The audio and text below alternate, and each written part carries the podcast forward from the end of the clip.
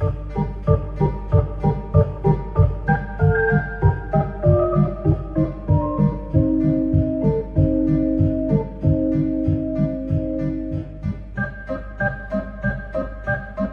luisteraars bij weer een nieuwe aflevering van de Roomse Loper. Mijn naam is Christian van der Heijden. En ik ben Stijn Fens. En voordat wij onze reguliere beschouwing van het katholieke nieuws eh, met u gaan doornemen, eerst even dit.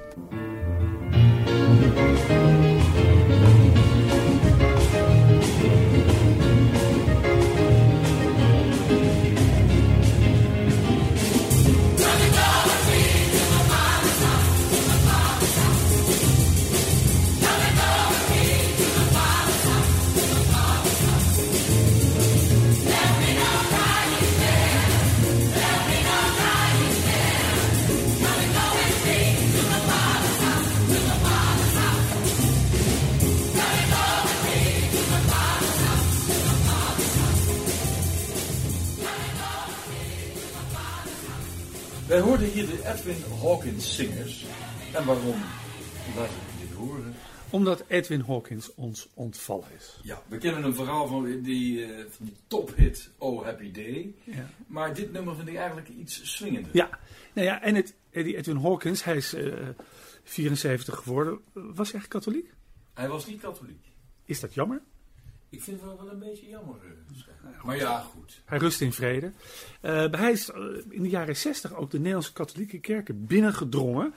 De tweede helft jaren 60, toen de beatmissen eh, in opkomst eh, eh, kwamen. Ja. Ja, en dat- toen al die, die American spirituals daar eh, hun, eh, op- ja, dus het, het, het altaar werd, werd naar voren geschoven, de drumstel werd ernaast gezet en zingen maar. En dan eh, eh, We've Got the Whole World in Our Hand. Hè, dat Ja. zijn die beroemde beelden van die slecht Engelse eh, sprekende nonnekes die dan zingen We've got the whole world. Dat is niet echt een succes geworden. Ja, er zijn prachtige, prachtige archiefbeelden uit de Duif, dat kerken, katholieke kerken, voormalig katholieke kerken heb ik de indruk in Amsterdam, waar dan zo'n zo'n priester dan een soort experimentele viering. Ja. Dus dan moet je voorstellen, dat er is gewoon argestie en er staat een soort combo te swingen en een zangeres staat daar wulp, wulps, I've got the whole world, he's got the whole world in his hands Ja. te zingen. Ja, toen dacht men dat dat de redding was, van, zou zijn voor, voor de katholieke kerk, om de Ja, mensen erbij te ook een Ja, beetje erbij te betrekken. Maar goed, het, het, eh, eh, in de jaren 60 gebeurde er wel, wel meer. Bijvoorbeeld in de Rotterdamse kathedraal aan de Maternesselaan. Daar werd de, daar werd de apsis, die prachtig eh, beschilderd was door, door een, een mooi kunstwerk, wat helemaal overgekalkt, wit gekalkt. Vreselijk. Want het moest modern zijn, moest niet veel afleiden, een soort protestantisering. Maar, godzijdank, is er iemand geweest die centen heeft neergeteld. Ja. En tegen het bisdom Rotterdam heeft gezegd, eh, eh, die schilderingen die moeten er nog zijn. Ja. Haal ze er eens onder vandaan. En dat is gebeurd. En ik moet zeggen, het is, het is, het is ik hoop niet dat de mensen nu boos worden, maar het is een beetje edelkitsch. Maar toch is het beter dan zo'n dan zo'n wit geplamuurde eh, wand, hè, die, die, die. Maar we, we- Christian, weet jij hoe ze dat dan doen? Want als, als ik iets overschilder thuis, krijg ik wat erachter zit nooit meer terug hoor. Ik denk met, met, met het heel, eh, met, met, een- met een soort eh, oorwattenstaafje. Oké. Laagje voor laagje, met, met, met hele ingewikkelde chemicaliën. Ik moet zeggen, ik heb echt wel respect voor die eh, kunstenaar die dat heeft gedaan. Dat is Jo-Janneke Post. Die heeft ook gezegd eh, dat- dat het haar mooiste klus ooit was. En nu eh, is weer zichtbaar geworden eh, het zogeheten Bijbels koningstafereel. Jezus Christus afgebeeld, gezeten op de troon. Drie eenheid erbij, prachtig. En het is weer ontzettend veel kleur in die kathedraal aan de Maternesselaan. Ja, oké, genoeg daarover. Waar gaan we het nog meer over hebben? Nou, we gaan het eh, eh, natuurlijk hebben over het bezoek van Paus Franciscus aan eh, Chili en Peru. Want daar zitten we, nou, we zitten er niet middenin, het is eigenlijk net begonnen. En we moeten het toch ook even hebben over eh, de pauselijke onderscheiding voor minister, eh, oud-minister Ploemen. Ja, want dat heeft nogal veel, eh, voor veel ophef gezorgd. Ja. Vooral eigenlijk in het buitenland. Ja. En daar snappen ze er toch al niet zoveel van hoe wij hier in Nederland de zaken regelen. Ik stel voor dat we daarmee beginnen. Minister Ploemen is oud-minister Ploemen. Uh, ze was minister van uh, Buitenlandse Handel en Ontwikkelingssamenwerking. Ja, er was, uh, maakte deel uit van het gevolg van koning Willem-Alexander en koningin Maxima, die eind juni bij paus Franciscus een, in het Vaticaan waren. Officieel staatsbezoek, het eerste, eerste officiële staatsbezoek. En dan is aan, het de Heilige Stoel. aan de Heilige Stoel. En dan is het gebruikelijk om dat tijdens zo'n bezoek over en weer decoraties worden uitgewisseld. En dan is het ook nog wel zo dat de bezoekende club, om het zo maar even te zeggen, dan ruimhartiger is dan de ontvangende club. Dus Nederland heeft dus ook decoraties uitgedeeld aan Vaticaanse functionarissen. Nou, en omgekeerd dus ook. En dat betekent dat minister Ploemen daar een uh, hoge onderscheiding heeft gekregen. Een hoge pauselijke onderscheiding. Ja, het commandeurschap van de orde van Sint Gregorius de Grote. Overigens heeft, uh, zo hebben wij vernomen, prins Jaime de Bourbon de Parme, de ambassadeur van het Koninkrijk der Nederlanden bij de Heilige Stoel, ook een dergelijke protocolaire onderscheiding gekregen in het kader van die decoratieuitwisseling. En dat was het grootkruis van de orde van Sint Pius. Ja. Ja. Dus iedereen die daarbij hoorde, die heeft een onderscheiding uh, gekregen. Maar wat is nu het geval? Uh, in een interview met BNR, uh, het was een podcast ook, heeft zij eigenlijk min of meer gesuggereerd dat, dat zij die onderscheiding had gekregen vanwege haar initiatief She Decides. Ja, en dat is dus een uh, internationaal dat is een, een, wat is het, een fonds? Ja, de Internationaal Hulpfonds. Hulpfonds om, om geboortebeperking, maar ook uh, abortus beschikbaar te maken voor zo'n groot, voor zo groot aantal mogelijke vrouwen. Ja, arme vrouwen in, ja. in, in, in achterstandsposities. En waarom is ze dat begonnen? Omdat namelijk eh, president Donald Trump daar onmiddellijk de stekker uithaalde, omdat om de pro-life lobby ook te paaien natuurlijk. Ja, ja. En toen heeft uh, Ploemen, die heeft toen gezegd, nou dan, dan springen wij in dat gat en, en, dan, en dan, dan, gaan wij dat doen. Daar heeft ze alom heel veel lof voor gekregen. Hè, want je weet in Nederland, als je pro-abortus bent, dan deug je. Hè? En als je anti-abortus bent, dan ben je een, bijna een fundamentalist. Uh, maar in de katholieke kerk, uh, daar zijn trouwens de meningen ook niet allemaal op één lijn. Maar in ieder geval um, in de katholieke orthodoxie, daar is abortus moord. Ja, nou ja, en daarom, hè, dus op allerlei websites van meer traditionele katholieke schniet, wordt de vraag gesteld: hoe kan het zijn dat iemand die zo pro-abortus is en daar ook nog eens geld inzamelt om dat mogelijk te maken, een hoge pauselijke onderscheiding krijgt? Um, het Vaticaan heeft natuurlijk onmiddellijk gereageerd. Die heeft gezegd, heeft gewezen op de, op de protocolaire status van die onderscheiding. Nou, onmiddellijk. Uh, nou, dat duurde even altijd. Hè, maar dankzij, die naam moeten we echt noemen, ja, ere wie ere toekomt. Ja, ja. Hendro Munsterman van het Nederlands Dagblad. Nou, die heeft, toen heeft het Vaticaan toch gereageerd. Die heeft gezegd dat die, dat die onderscheiding geen uh, linkje is voor haar werk voor de abortusbeweging. Om, uh, sterker nog, het is gewoon protocolair. Ook het aartsbisdom Utrecht heeft gereageerd. Ja, en daarin wordt gezegd dat kardinaal Eijk eh, niet betrokken was bij de aanvraag.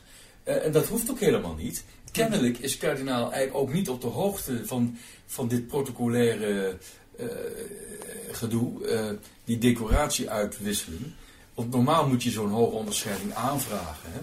Maar dit, is, dit gaat helemaal buiten de, de, de, normale uh, deco decoratietoekenning uh, om. Dit is gewoon zuiver protocolair. Heeft ook niets te maken met, met eigenlijk de verdiensten van Ploemen. Het, nou ja, de enige reden omdat ze het heeft gekregen, omdat zij zichzelf, hebben wij vernomen, zichzelf eigenlijk er heeft ingepraat in, die, in, in het gevolg van de koning en de koningin. Want ze zou eigenlijk helemaal niet organiek daar deel van uitmaken. Nee, je, je zou zelf kunnen zelfs kunnen zeggen dat zij het Vaticaan in verlegenheid brengt door het linkje zo te duiden dat het een waardering is voor haar werk voor de pro-abortusbeweging. Daar breng je eigenlijk de paus mee in verlegenheid, want die paus heeft dat linkje helemaal niet daarvoor gegeven. Nee, maar de Catholic Herald, dat is een eh, Brits magazine, ook op internet eh, te zien. En die hebben ook even contact opgenomen met eh, Ploemen. En daarin zegt zij dat zij meent dat het te maken heeft met de context van haar deelname aan het gevolg van de koning en de koningin 22 juni 2017. Meent. Dus, dus, dus zij vermoedt dat. Dat is natuurlijk ook heel raar. dat dat, dat moet ze gewoon zeker weten.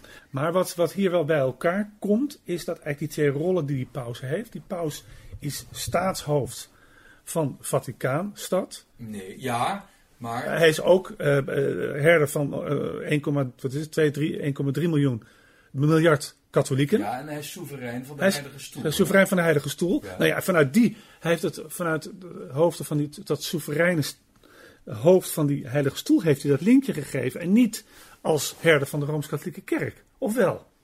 Ja, het is natuurlijk moeilijk om die twee uh, te scheiden. Maar om, omdat hij inderdaad ook uh, in het internationaal recht uh, gezien wordt als, als, als, als een soevereine vorst. Ja. ja, moet hij dus ook meedoen met alle, alle, alle protocolaire mumbo jumbo. Dus dan hoort er dit ook bij. Goed, in ieder geval heeft Ploemen dus die onderscheiding, luisteraars, nogmaals, niet gekregen voor haar maatschappelijke verdiensten. Uh, we hebben zojuist ook contact opgenomen met onze bronnen in het Vaticaan. En daar wordt gezegd dat ze bidden voor de bekering van Liliane Ploemen. Omdat zij toch de levens van vele onschuldige, ongeboren kinderen op haar geweten heeft. Nou, waarvan akte?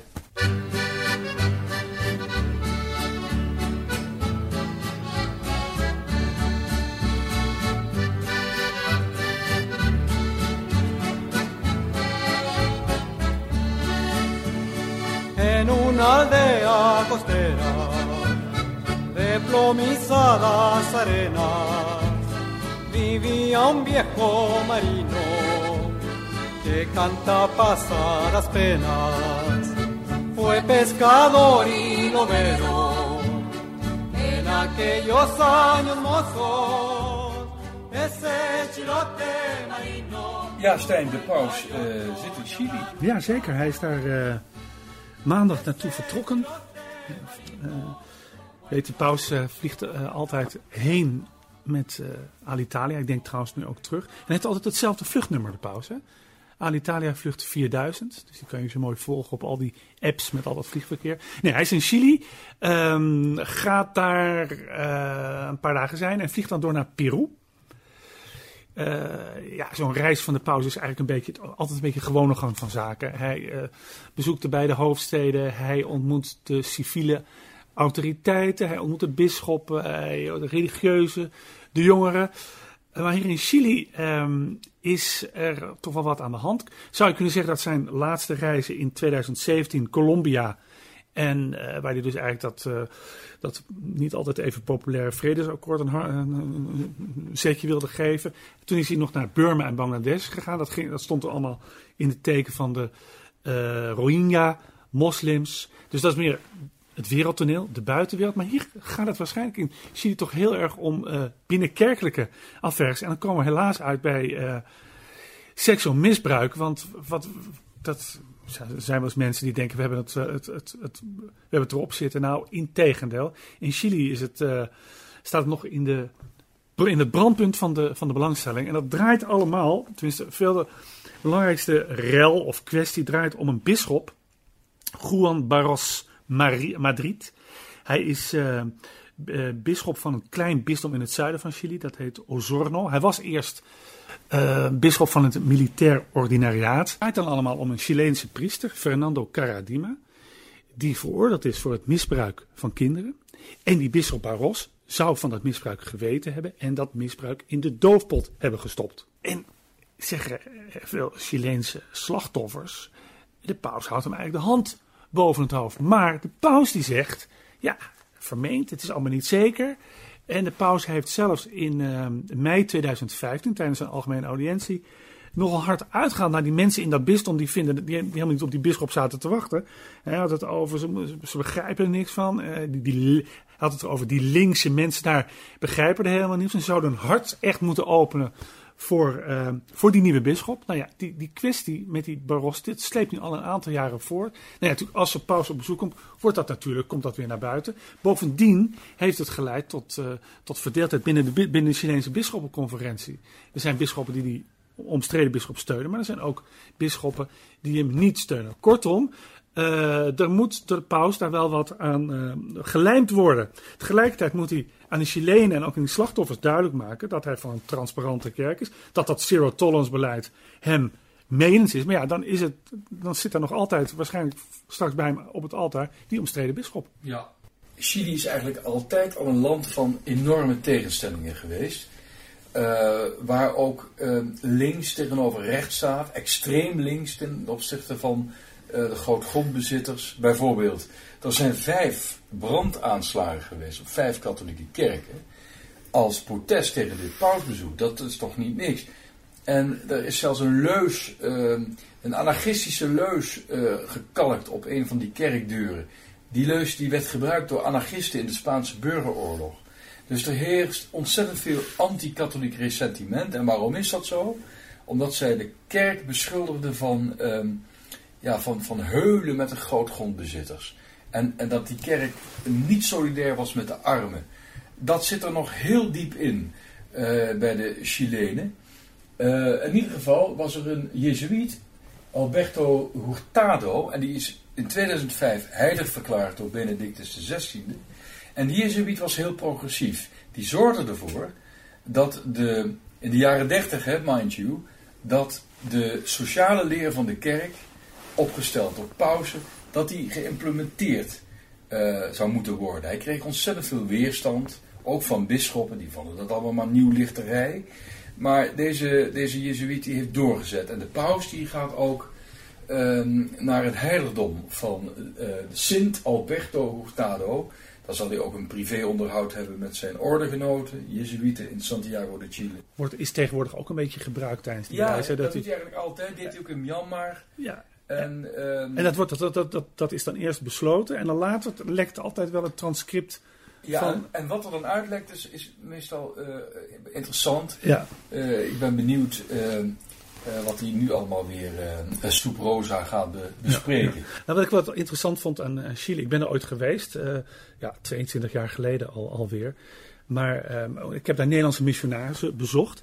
En die zaten eigenlijk midden in die tweedeling die die Chileense kerk toen, en ik denk nog steeds, ook nu nog steeds, uh, karakteriseert. He, je ziet dat, dat, dat dat militair bewind van Pinochet, net als in Argentinië, verdeelde niet alleen het volk, maar dat, dus ook de kerk. Mm. En die Nederlandse missionarissen hadden partij gekozen voor het volk tegen, tegen uh, Pinochet. En je zag dat dat. Uh, dat dit, die kerk enorm, enorm, enorm verdeeld was. En dat die Nederlanders dus, veel Nederlandse missionarissen daar in die krottenwijken zagen wonen. Bij die mensen. En die, die, die, die, dat engagement, dat karakteriseert die Chileense kerken nog steeds. Net als die sociale ongelijkheid, die is natuurlijk niet weg. En daar zal de paus natuurlijk wel, uh, want we kennen de paus, zal de paus natuurlijk niet alleen in Chili, maar ook in Peru. Waar blijkt, in, in Peru is het zo dat de rijken worden steeds rijker en de armen worden steeds armer. Dus daar zal de paus keihard uh, partij gaan trekken voor de, voor, de, voor de zakken. Maar zeker niet voor de linksen, nee. want die beschouwt hij toch wel als de vijand. Nou ja, hij praat er niet. Hij heeft het, hij heeft, hij heeft het over de linksen. En dat, dat zeg je niet over. Als, als je nee, dat wordt dus niet bedoeld sociaaldemocraten, maar dat zijn echt anarchisten. Ja. En echte anticlericalen. Die, waarvan hij zegt, ja, die zitten eigenlijk achter die hele uh, beschuldigingen van, van die bisschop waar je het ja. uh, zojuist over had.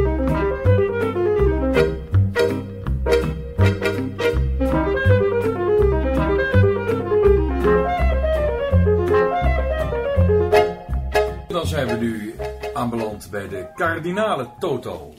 Ja, in plaats van dat wij nu weer eens een kardinaal uit, uh, uit het rek halen, uh, wil ik eens ben ik eens gaan kijken hoe er op de verschillende goksites uh, wordt ingezet op de volgende paus. Hè. Dan heb je, en ik ben uitgekomen op de site Odd Checker. who's gonna be the next pope? En dan staat er ook bij winner. Dus je zou, dat doet suggereren dat je ook kan gokken op wie wordt de tweede of derde of vierde? Of uh, een soort Olympische Spelen voor kardinalen. Nou, uh, bovenaan, en dat, dat is eigenlijk niet um, verrassend, staat de aartsbisschop van Manila, kardinaal Louis Antonio. Daar hebben we hem Antonio, weer. Ja, ja daar hebben we weer. Takle, hè, Takle hebben we het over, de, de aartsbisschop van Manila. Als je op hem inzet, krijg je zes keer je inzet terug. Nou, direct, op, on, direct onder hem staat uh, uh, Ouellet, kardinaal. De Canadese, Canadese Staat die er nog steeds Ja, die staat er nog steeds op. Ja, ik zou denken, ze hebben de lijst uh, van de vorige keer nog niet geüpdate, van het vorige conclaaf. Uh, Marc Ouellet, prefect van de congregatie voor de bisschoppen. Daar krijg je zeven keer je, uh, je inzet terug. Nou, dan Turksen, hè, de onvermijdelijke kardinaal Pieter Turksen. Mag, best wel machtige man in het, in het Vaticaan. eh, hoofd van het dicasterie voor de integrale menselijke ontwikkeling. Eh, als mensen het hebben over een zwarte paus, hij komt uit Ghana, dan hebben ze het er altijd over Turkse, want andere, andere uit Afrika kennen ze niet. Nou, dat gaan we het lijstje af en dan loopt die, dan krijg je steeds meer uitgekeerd. Hè? Dus eh, zelfs Arinze staat er nog op, maar die man mag niet eens meer meedoen.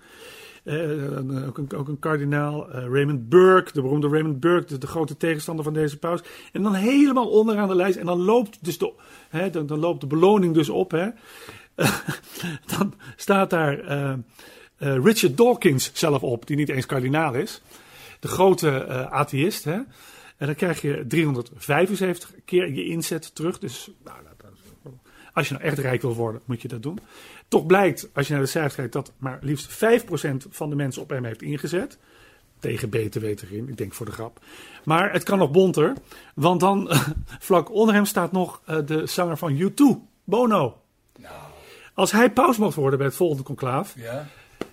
en dat zou toch wat zijn, in the name of love, where the streets have no name, dan krijg je 500 keer je inzet terug. Nou, gaan we dat doen? Dat gaan we niet doen. En het opvallende is dat de man die ik hier regelmatig eh, naar voren schuif, de kardinaal staatssecretaris, eh, de rechterhand van de paus, Pietro Parolin, hij heeft een goede naam al, hij heet Petrus, tenslotte.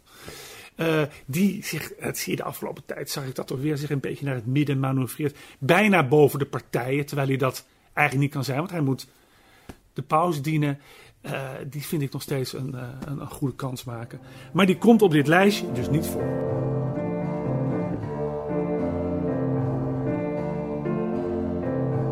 Dames en heren, bedankt voor het luisteren. Wij zijn er over twee weken weer.